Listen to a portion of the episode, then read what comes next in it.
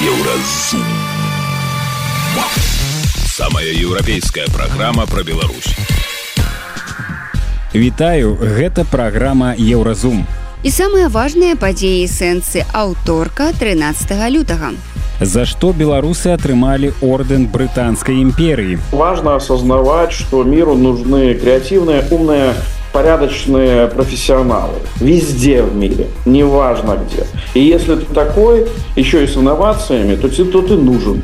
А если ты не такой, ну да, так ты и дома не нужен. Чаму большасць указаў Лукашэнкі схаваныя? Спыталі экспертаў. Скорее всего, речь идет об, об указах, которые касаются вопроса безопасности. Расійскія хакеісты зладзілі дэмарш у мінску, а беларускім слабо. Может, дальше добавят, что во время награждения российские хоккеисты стояли там и начитались польских и литовских телеграм-каналов, и их вынудили протестовать против белорусского хоккейного руководства. А они поддались. Пра гэта ды іншае больш падрабязна цягам бліжэйшай гадзіны. Еўразум. Беларусь у еўрапейскім фокусе. 24 студзеня у вінзарскім замку гэта Лондон з рук прынцэсы Ганны кіраўнік беларускага свабоднага тэатру Миколай Халезін атрымаў орден брытанскай імперыі Дагэтуль у лістападзе аналагічная ўзнагарода была ўручана жонцы Миколая і сузаснавальніцы славутага тэатра Наталлі калядзе Такім чынам у Великабрытаніі ўпершыню ў гісторыі адзначылі беларускую шлюбную пару за выдатныя заслугі асабістую адвагу службу Великабрытаніі і дзейнасць у свеце.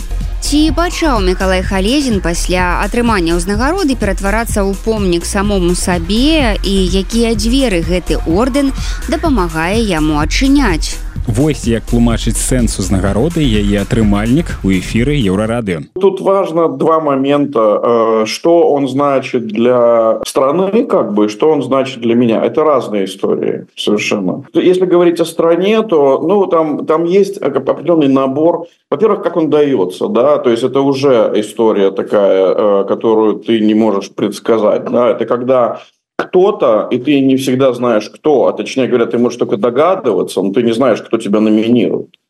А, и человек, который номинирует, он сам а, как бы член Ордена Британской империи в том или ином виде, офицер, командор и так далее.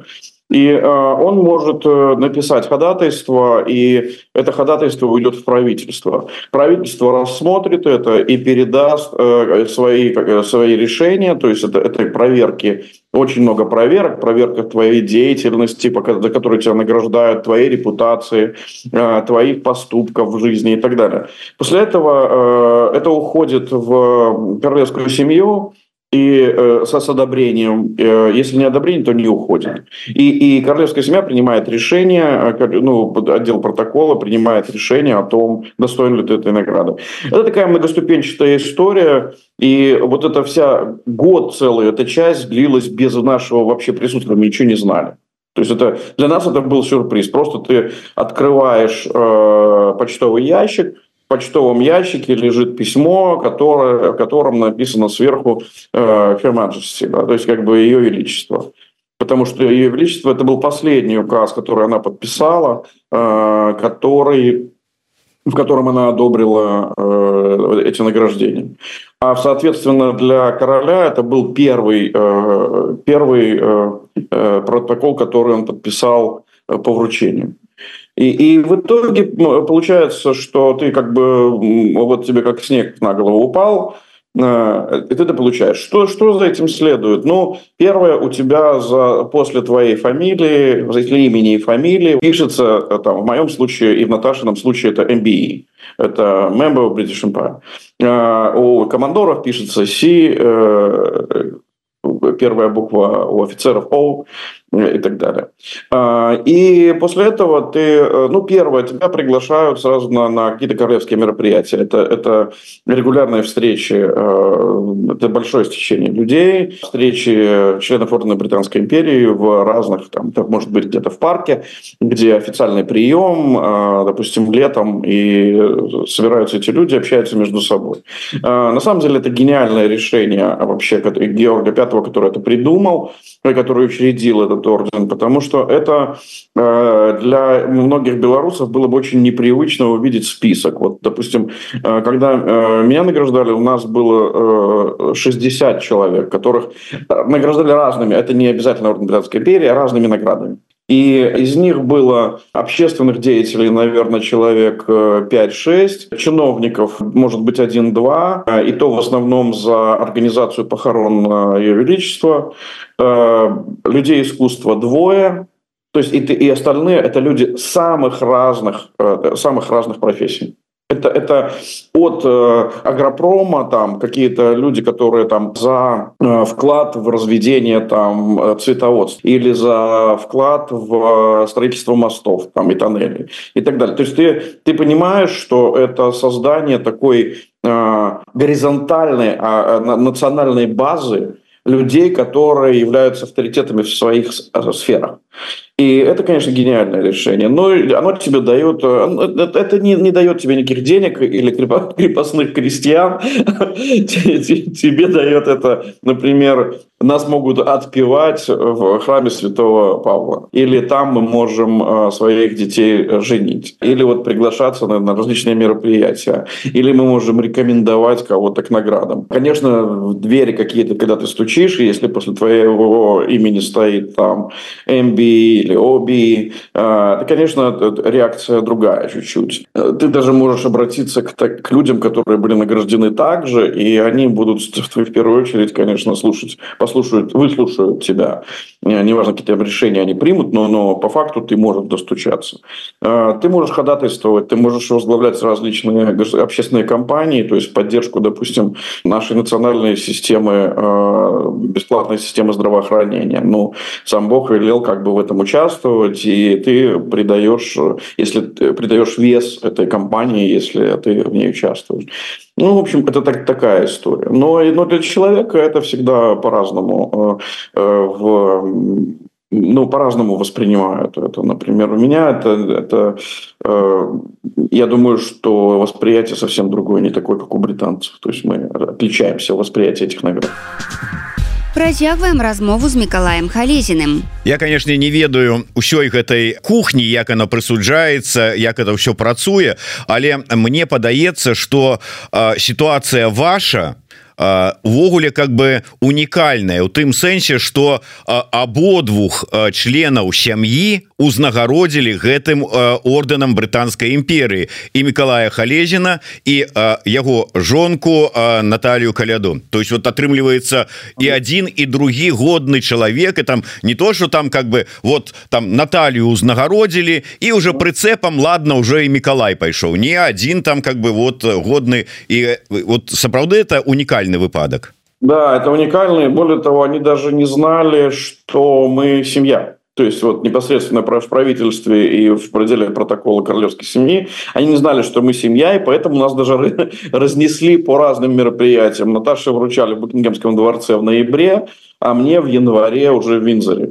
Э, и э, потом э, отдел протокола, они к нам и в первом случае, во втором, ну, во втором они уже приходили к нам как к давним друзьям, но в первом случае они пришли извиняться целой такой группой, что извините, что мы вас это, а мы говорим, так это же наоборот хорошо. Они говорят, почему? Потому что, потому что мы посмотрели и Букингемский дворец, и Винзор. То есть нам как бы выпало и то, и другое, поэтому мама наоборот спасибо. Они посмеялись все. Да, ну это, это, это очень красивое мероприятие, и на самом деле я очень волновался, потому что у тебя обязательный разговор э, с тем, кто тебе вручает, а вручать могут во всей Великобритании только три человека. Это, собственно, король э, Чарльз III, это принцесса Анна, и это прямой наследник э, короля принц Уильям. Э, и, и Наташе и мне вручала принцесса Анна, хотя в Винзоре должен был вручить король, но он попал в госпиталь. И я был этому несказанно рад, потому что для меня она такой один из самых уважаемых людей в королевской семье. Это человек, который вот просто своим трудом э, заслужил свой авторитет, и она потрясающий человек. И я что-то волновался, это было очень смешно, потому что когда мы начали с ней разговаривать, я ей что-то сказал, и не, не вот неужели правду не памятаешь что ты там вот за скабрезность сказал такую же насмешил принцессу? Честно говорю не помню. Я бы сказал что я сказал но я это было очень странно потому что я сказал мы в голос засмеялись все так на нас это э, и вся свита посмотрели как бы что-то такое беспрецедентное. и мы ну, поговорили о театре, поговорили о Беларуси, о том, что у нас политзаключенных много. Ну, смеялись, конечно, не с этого.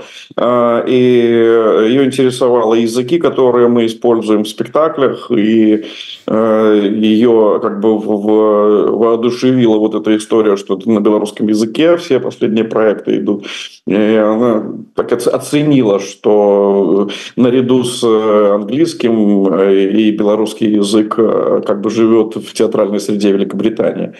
А, и, ну, вот как бы это, это собственно, что, что ну, повторю, это немножко разные вещи, потому что мы, мы же не коренные британцы, да, мы получили там, получили свое там, гражданство, э, ну, вот через 13 лет э, пребывания в Великобритании. И э, получается, что и плюс два члена семьи награждены. Конечно, по-другому реагируешь, по-другому к этому относишься, потому что у тебя есть еще твоя метрополия, не только Великобритания, у тебя есть еще Беларусь. И в первую очередь ты думаешь, конечно, об этом, как бы это пафосно не звучало, но это так. А дарэчы у сваёй метраполіі у сэнсе ў Беларусі ты маеш хоць нейкую ўзнагароду не не не не у меня только были Станислав Шушкевич говорил что я тебя чем-то наградил но мне нечем. Это было. Мы так по-дружески смеялись я говорю что ладно тогда я что-нибудь найду вас наверное буду награждать. А, нет мне как бы э, был очень смешной случай. Мне позвонили, спросили, а, одна из моих друзей, а, и она спросила, слушай, меня попросили узнать, если тебе дадут к столетию БНР медаль, ты ее возьмешь? Я говорю, ну, господи, это же юбилейная медаль. Я говорю, что это? Это не место, для где я могу э, говорить там о каких-то там э, политических акциях, да, и привлечь внимание, отказаться и что-то что там задвинуть. Такое, говорю, нет, я возьму, конечно, если, если дадут, то как память о столетии, ну да но не далі недапрацоўка трэба трэба трэба спадарні сурвілі нагадаць про это.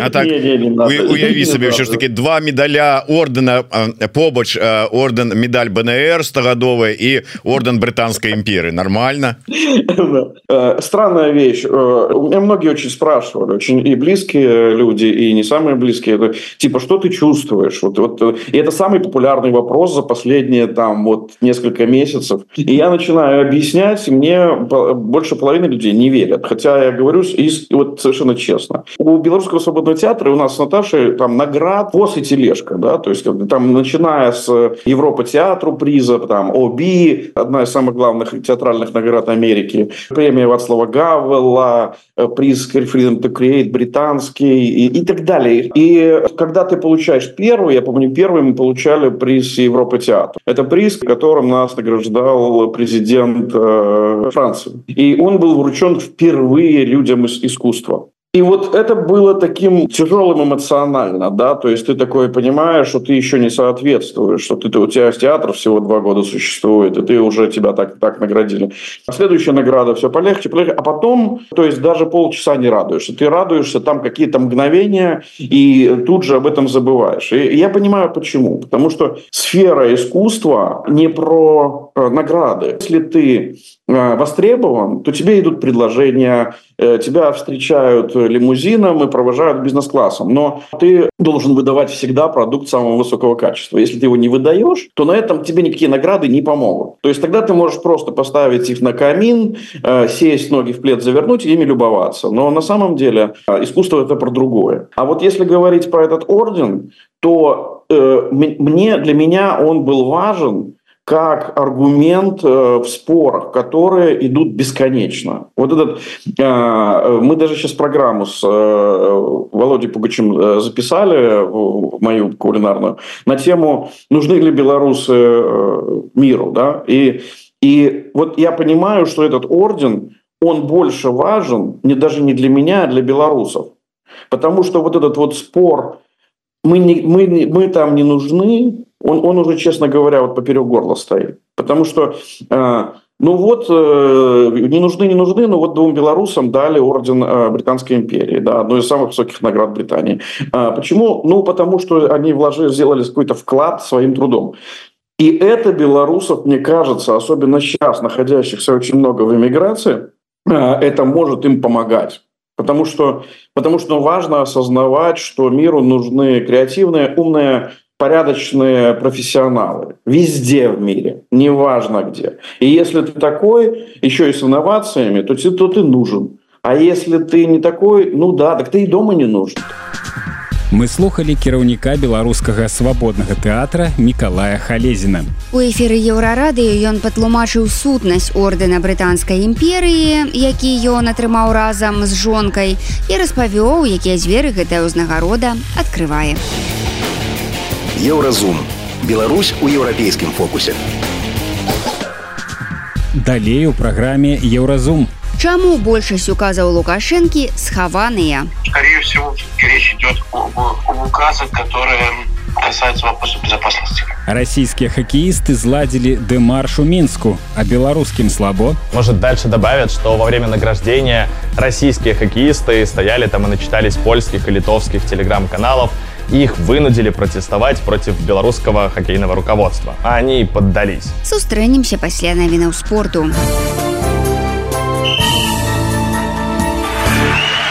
На еўрарадыё навіны спорту. Міжнародная федэрацыя хакея працягнула на яшчэ адзін сезон адхілення зборных беларусі і рассіі беларускія хакеісты не змогуць прыняць удзел не толькі ў чэмпіянаце свету але і ў адборы на алімпіяду наступны раз пытанне допуску будзе разглядацца ў траўні 2025 у федэрацыі хакея беларусі абураныя прыцягненнем санкцый там чамусьці лічаць што міжнародная федэрацыя дзейнічае не самастойна а У беларускай хакейнай экстралізе шахцёр нечакана быў разгромлены на сваёй пляцоўцы юнацтвам 4-0. Таксама нечакана дынама маладзечна разграміла Нёман 62. У шахцёра засталося 80 ачкоў, у віцебска 76 і матч у запасе. У юнацтва 70 ачкоў. Усе 16 каманд дапушчаныя да чэмпіянату беларусі по футболе ў вышэйшай лізе.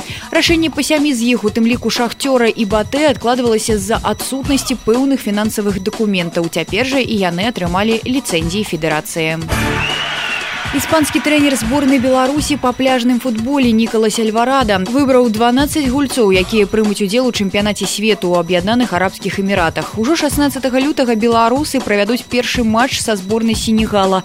Далей будуць гульні з японцамі і калумбійцамі.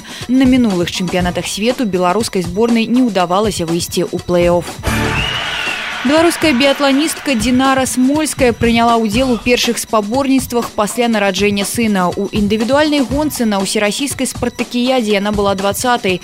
Было вельмі цяжка, цяпер я ў шоку ад свайго стану прызналася Смольская. А Антон Смольскі быў другім у мужчынскай індывідуальнай гонцы на 20 кіламетраў. Беларускі біятлон знаходзіцца пад санкцыямі і біятланістам даводзіцца выступаць у рассіі. Гэта былі навіны спорту на еўрарадыё. Заставайцеся з намі.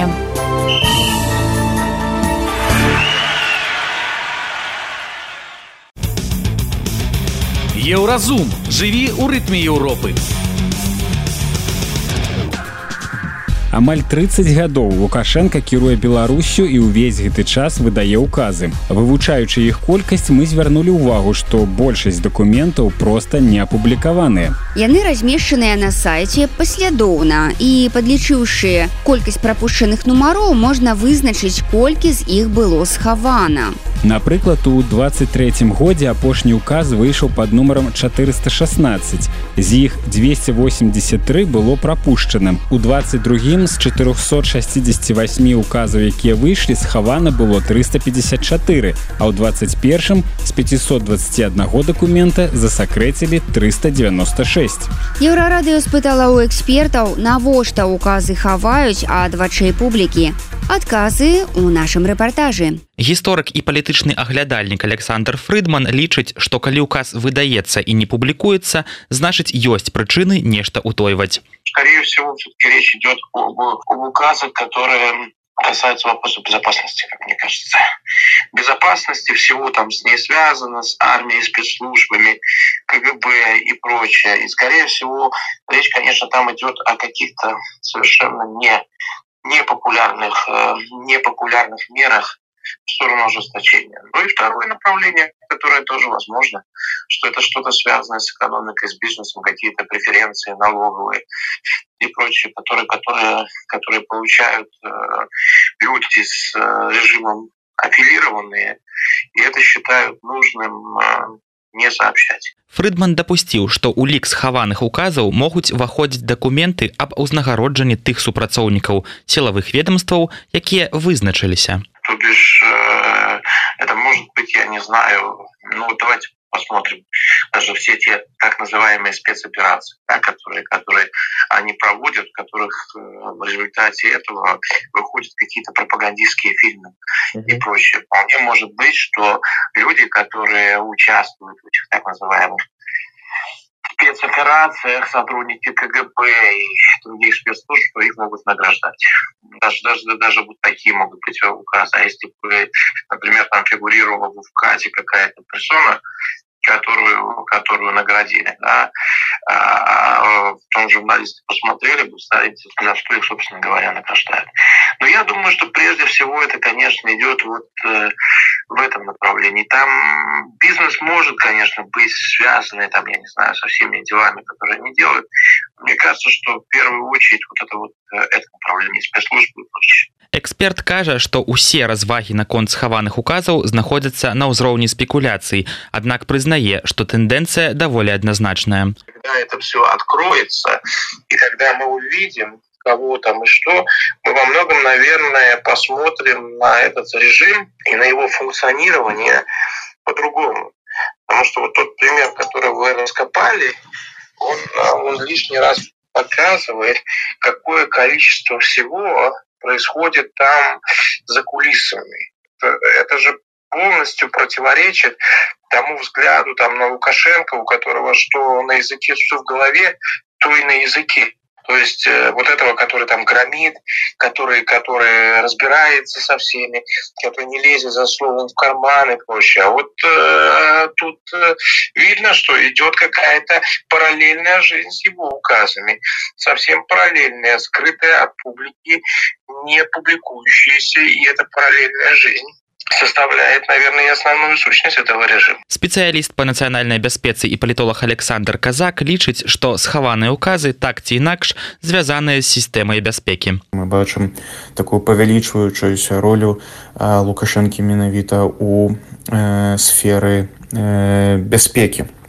Э, канешне, ёсць некаторыя, э, указы якія публікуюцца але як гэта узгадвалася раней яны маюць такі характар прапагандыстычны каб запужаць э, население цалкам магчыма што перад новымі э, выбарамі або каб рэжым мог сябе неяк э, абезапасіць на фоне э, новых магчымых хваляў э, занепакойнасцяў ці магчымых э, эскалацыі Менавіта таму, што дакументы звязаныя з сістэмай бяспекі іх і не публікуюць, лічыць казак. Цалкам верагодна, што гэта зноў жа звязана з метадамі функцыянавання і супрацы з такімі адзінкамі, як, напрыклад, вагнераўцамі, акрэсленне іх ролі і межаў правілы правілу так званай гульні. Эксперт лічыць, што дакладна сказаць, чаго тычацца неапублікаваныя указы нельга, як і нельга сказаць, што ўсе яны адназначна тычацца бяспекі. Інфармацыйная служба еўрарадыё. Еўразум. Беларусь у еўрапейскім фокусе. Далей у праграме Еўразум.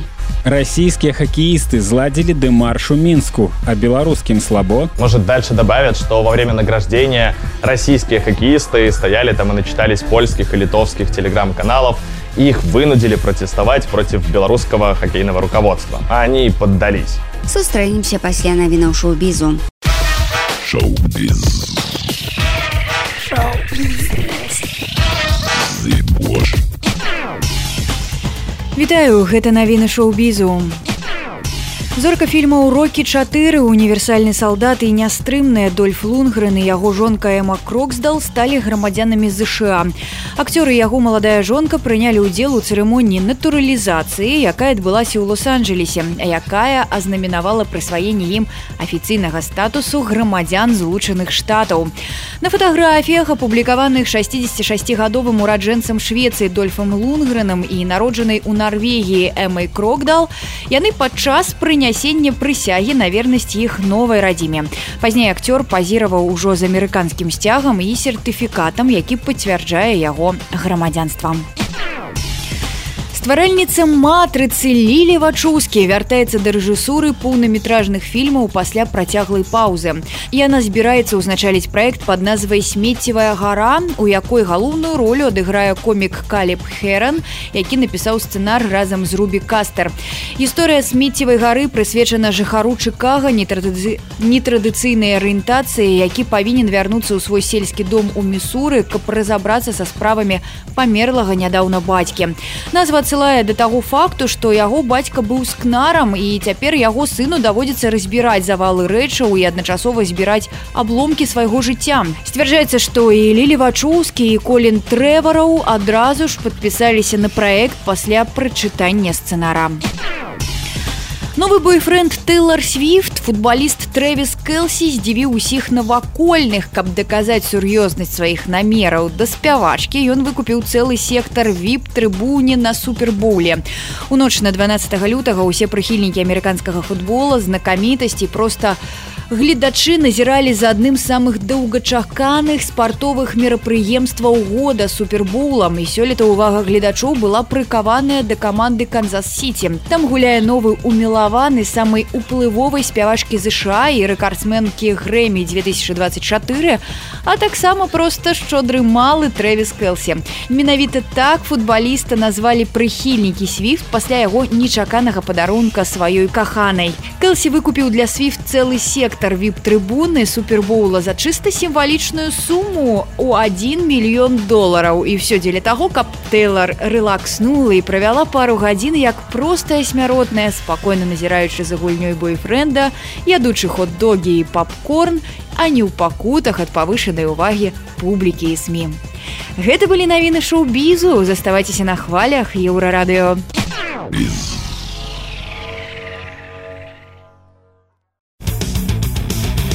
Еўразум жыві ў рытме Еўропы. На мінулых выходных сеціва абляцела відэа дэмаршу расійскіх хакеістаў пасля паразы ад беларусаў на моладзевым хакейным турніры.